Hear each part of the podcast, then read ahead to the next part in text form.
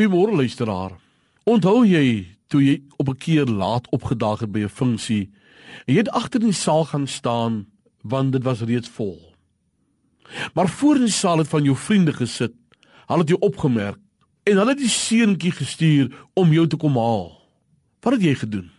Jy het nie hierdie kind bevraagteken en gesê wie sê of wie het vir jou gesê daar is plek voor nie. Jy het getrou en gelowig hierdie kind gevolg want jy het geglo daar is plek in die voorkant.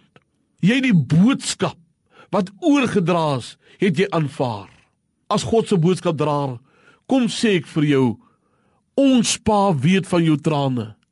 Ek kom vat jou in jou hand en sê, hy ken jou pyn, hy ken jou eensaamheid, hy ken jou teleurstellings. Hy weet aan watter siekbed jy vasgekluister is. Hy weet waar jy in die agterkamer sit, alleen. Hy weet hoe jy by die ouete huis alleen sit en niemand kom besoek jou nie en die eensaamheid raak vir jou te veel. Jy vra, "Hoor God my nog as ek bid?" Skielik kom bedien die Heilige Gees jou en hy onthou, laat jy onthou die lied. As ons vriende ons versaak het, soek ons in gebed die Heer want jy sien hy wil in ons plek staan.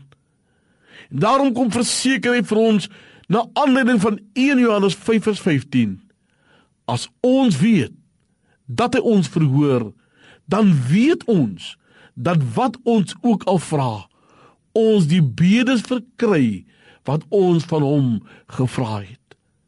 Wat 'n versekering hoe stikkend teleurgesteld ek ook mag wees God hoor my as ek tot hom roep. Al druk die kruis my neer.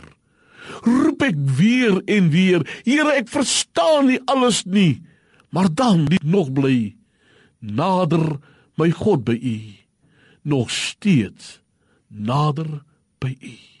Ek wil jou uitdaag dat jy te midde van jou bedrywige program, te midde van jou hartseer en jou teleurstelling tyd sal maak om met God te praat en ook na hom te luister. As ons bid, bid met verwagting. Weet verseker as alles te vergees lyk, verseker hy jou ek hoor jou gebed. Voordat hulle roep, antwoord ek.